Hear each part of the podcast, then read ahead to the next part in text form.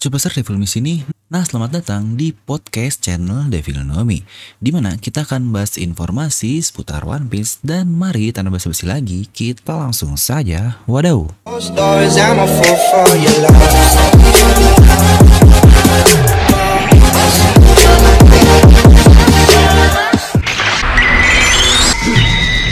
Oke, seperti biasa nih, kita akan mereview untuk One Piece chapter baru di chapter 1027. Anjos. Oke lah ya, kita langsung saja bahas karena ya banyak hal menarik di chapter ini. Di mana untuk chapter 1027 ini akan berjudul Danger Beyond Imagination. Judul yang sebenarnya sangat to the point banget sih Oda ngambil judulnya ini. Dan seperti biasa juga, kita akan mulai membahasnya dari cover terlebih dahulu yang lagi-lagi masih berisi cover requestan di mana di cover ini kita melihat lagi sang raja bajak laut Goldie Roger dia sedang berlari dari seorang singa ketika dia sendiri sedang menangis dengan tawa. Ternyata Roger ini mencoret-coret muka singa tersebut hingga berbentuk sangat aneh. Di mana kita pun melihat juga Shanks dan Bagi di pohon yang masih ketakutan dengan kemarahan singa tersebut. Hmm, ini cover request yang cukup menarik nih. Singa Roger tertawa. Hmm, ada apa ini? Oke, kita langsung bahas ke chapter kali ini. Dimulai langsung lanjutan dari chapter lalu di saat Jack dan Perospero sudah kalah. Di sini yang diperlihatkan adalah Nekomamushi yang kembali ke mode normalnya lagi. Itu pun setelah dia menutup matanya dari cahaya bulan. Dan kita pun melihat Carrot serta Wanda yang berjalan ke arah Nekomamushi ini.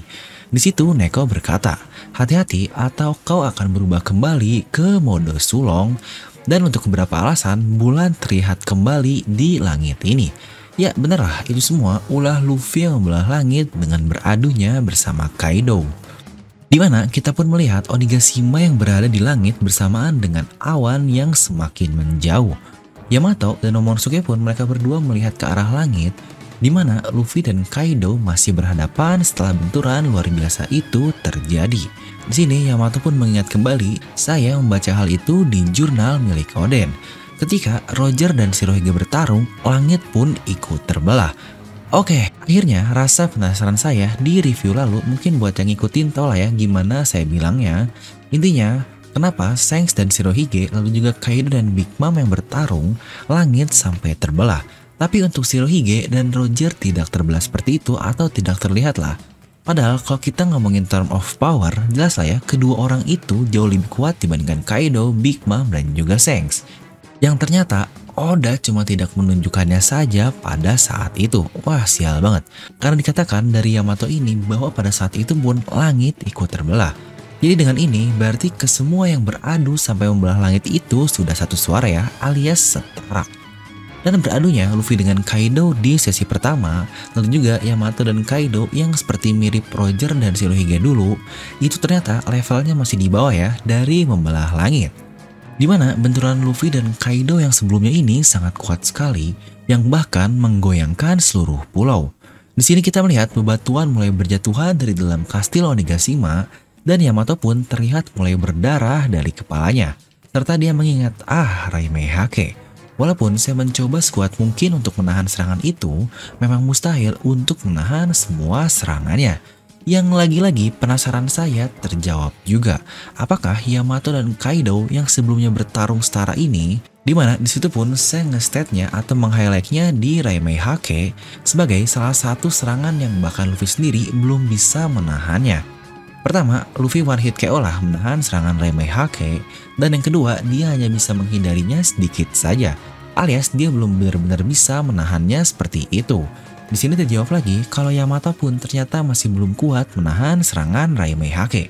Oke, confirm lagi. Lanjut di sini, Luffy menyuruh Yamato untuk menolong Momonosuke. Yang dia pun sedang berada di ujung pulau karena dia tidak tahu caranya terbang. Di sini, Yamato pun melompat ke atas kepalanya dan berkata akan menolongnya. Kaido pun mengejar mereka, Hei Yamato, Momonosuke, ke mana kau pikir akan pergi? Terlihat Momonosuke yang ketakutan melihat Kaido dan dia mengingat kembali saat Kinemon yang ditusuk karena menolong dirinya itu. Dan pada saat itu Kaido berhasil mencapainya, tapi Yamato menahan serangan dari Kaido ini. Luffy pun dia datang dari belakang menyerang Kaido di lehernya dan menghentikannya sambil berteriak, Yamao. Dan Yamato pun langsung mengerti bahwa Luffy ingin bertarung sendirian kan? Dan Luffy pun menjawab dengan tersenyum. Ya, benar. Oke, nekat time lagi dari Luffy nih yang udah kalah sebanyak dua kali. Tapi kalau Luffy nggak ngalahin sendirian sih, pride-nya sebagai karakter utama pasti bakal dibacotin dong. Akhirnya Momonosuke pun melompat dari tebing dan berteriak, "Tidak, aku akan mati." Di situ Yamato pun berkata untuk memegang langit. Momo yang bingung memegang, dan lagi-lagi Yamato menjelaskan bahwa naga tidaklah terbang, melainkan mereka menciptakan awan dan memegang awan tersebut untuk terbang. Di mana terlihat di sini Momonosuke pun berhasil menciptakan awannya di sebelah cakarnya, dan dengan itu dia memegang dengan kuat untuk membuatnya dapat bergerak. Yamato menjelaskan lagi, berjalan di udara itulah yang sebenarnya naga lakukan. Awan-awan tersebut disebut sebagai Homuragumo atau awan api. Yang sebenarnya ini sudah pernah Yamato jelaskan kepada Momonosuke di mode kecil sih waktu Onigashima ini terbang pertama kali. Nah, dengan terbang menggunakan awan, bukankah itu hal yang sama persis dilakukan oleh Doflamingo juga ya? Dia mengaitkan benangnya ke awan untuk terbang seperti naga. Ya, toh dia juga anak buah dari Kaido dan dulunya Doflamingo disebut sebagai naga kan atau naga langit. Lanjut, dikatakan di sini bebatuan sudah mulai berjatuhan dari Onigashima. Dan Yamato pun berkata jika pulau ini akan hancur. Apakah ini mungkin kemampuan dari Kaido sudah melemah karena awan api tersebut sudah mulai tidak stabil? Oke, ini nih yang sudah saya singgung di spoiler ternyata benar juga. Ternyata memang benar kemampuan dari Kaido ini sangat gila sekali. Ternyata mengangkat pulau masih bagian yang berhubungan langsung dengan kemampuannya. Semakin lemah Kaido, semakin lemah juga kemampuan terbangnya itu. Jadi selama ini dia bertarung melawan para skabart yang hebat lah, Wars Generation, Luffy, Yamato sambil mengarahkan Onigashima dengan kekuatannya ke tujuannya. Saya kira ini terjadi secara otomatis dan tidak berpengaruh ke kemampuan Kaido. Tapi kalau kayak gini sih, wah gila banget untuk Kaido sih kemampuannya sangat parah. Jadi inget banget dulu waktu pertama kali Kaido dihajar oleh para skabart di sesi satunya langsung banyak yang ngomen nih atau langsung banyak yang berteori bahwa Kaido adalah Yonkou yang terlemah. Waduh, padahal cuma baru kena beberapa serangan aja langsung nyimpulin seperti itu. Ini benar-benar ngaco banget. Jujurnya dari ketahanan yang ada sampai saat ini sih, bisa saya bilang Kaido ini memang cocok sebagai orang yang terkuat, pas banget juga pemerintahan dunia nempatin dia dengan bounty tertinggi dan sebutan makhluk terkuat di dunia. Karena kemampuannya selama ini yang sudah diperlihatkan secara full oleh Oda Sensei, saya mengakui jika Kaido yang terkuat. Ingat di sini saya bilangnya yang sudah diperlihatkan ya, untuk kasus Roger, Shirohige, Rose kan cuma sebagian dan cuma kata-kata saja. Serta banyak juga yang menghubungkan hal ini dengan bird cake-nya Dovi di Dressrosa, yang menurut saya itu pun sangat instan dan hebat sekali. Sejujurnya, Bird Cake dari Doflamingo ini adalah salah satu plot hole One Piece yang terbesar menurut saya. Ia bisa bertarung dengan bebas di saat Bird Cake-nya aktif begitu saja. Bahkan seseorang seperti Zoro pun tidak bisa menghancurkan Bird Cake itu. Ini benar-benar plot hole banget sih menurut saya, tapi ya oke okay lah karena sudah lewat juga. Lanjut, di sini Momonosuke pun mencoba menahan Onigashima dengan kepalanya dan dia pun berkata saya tidak akan membiarkan ini sampai di ibu kota bunga dan Yamato pun berkata mustahil melakukannya dengan cara seperti itu Momokun kita tidak punya waktu lagi karena ini sudah sangat dekat sekali dan akan sampai kurang dari 5 menit. Lagi-lagi, pola dari Oda lah yang selalu dibuat, yaitu ada yang namanya batas waktu. Awan api pun mulai menghilang, satu-satunya cara untuk menghentikan pulau ini adalah dengan mendorongnya dengan awan api yang lebih kuat. Situ Momo pun menjawab, tidak mungkin saya bisa menciptakan sesuatu yang seperti itu, karena saya tidak punya kekuatan sekuat Kaido. Di sini pun Yamato berkata jika situasi lebih buruk dari yang dia bayangkan. Inilah yang menjadi judul untuk chapter kali ini juga, di mana jika Onigashima berhasil sampai di ibu kota bunga akan banyak sekali rakyat yang mati. Tapi yang lebih buruk adalah jika Kaido berhasil dikalahkan. Awan apinya akan hilang dan Onigashima akan jatuh sebelum sampai ke ibu kota bunga. Banyak sekali senjata dan bahan ledak di pulau ini, jadi bisa dibilang Onigashima sendiri adalah sebuah bom. Jadi, jika pulau ini jatuh, musuh dan teman semuanya akan rata. Ya sebenarnya impact dari jatuhnya sesuatu yang sangat besar pun akan membuat efek yang sangat masif di sekitarnya. Tapi kalau ditambah dengan adanya bahan ledak, wah itu sih bakal semakin parah lagi. Di sini Momonosuke pun berteriak, eh berarti kita harus memperingati hal ini kepada Luffy dong. Dan akhirnya dia ditabok kepalanya oleh Yamato. Dasar bodoh. Luffy adalah orang yang membawa semuanya di pundaknya saat ini.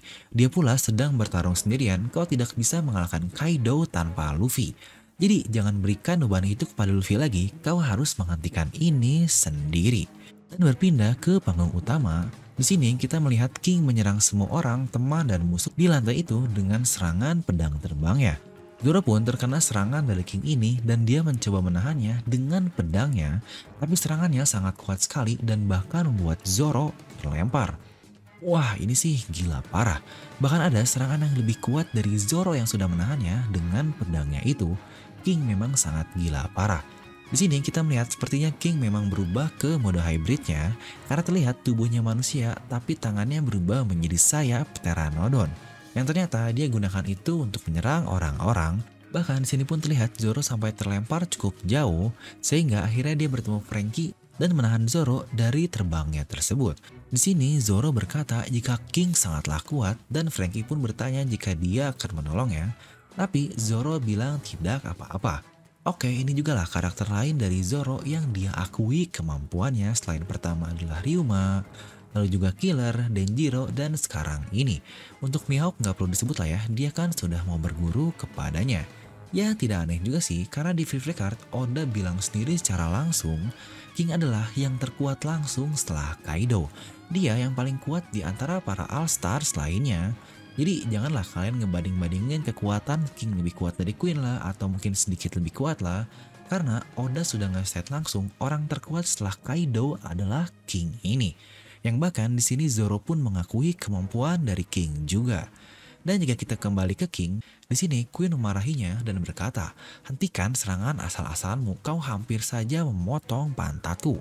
Dan dijawab seperti biasa dengan cuek lah, ya untung sekali lah, karena aku tidak memotong lehermu.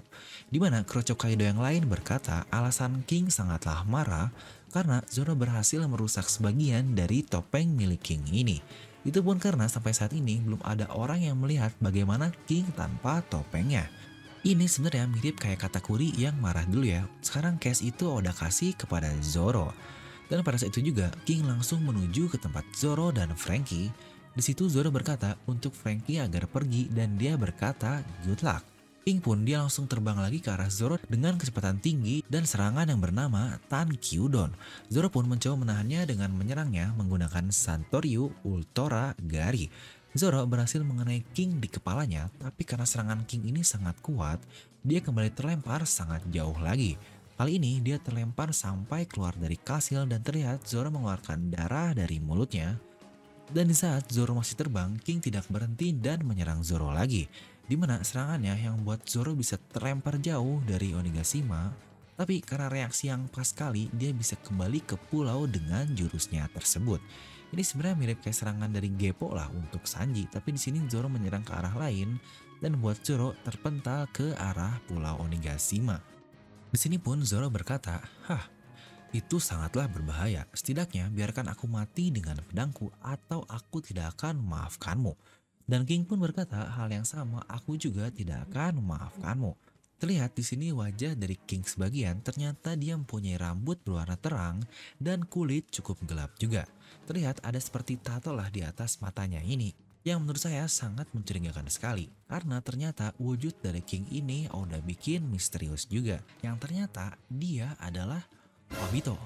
Padahal jika King ini kalah dengan bentukan topengnya saja itu masih tidak masalah tapi sepertinya ada hal penting di balik topengnya ini, makanya Oda membuat misteri untuk menghancurkan topeng dari King ini.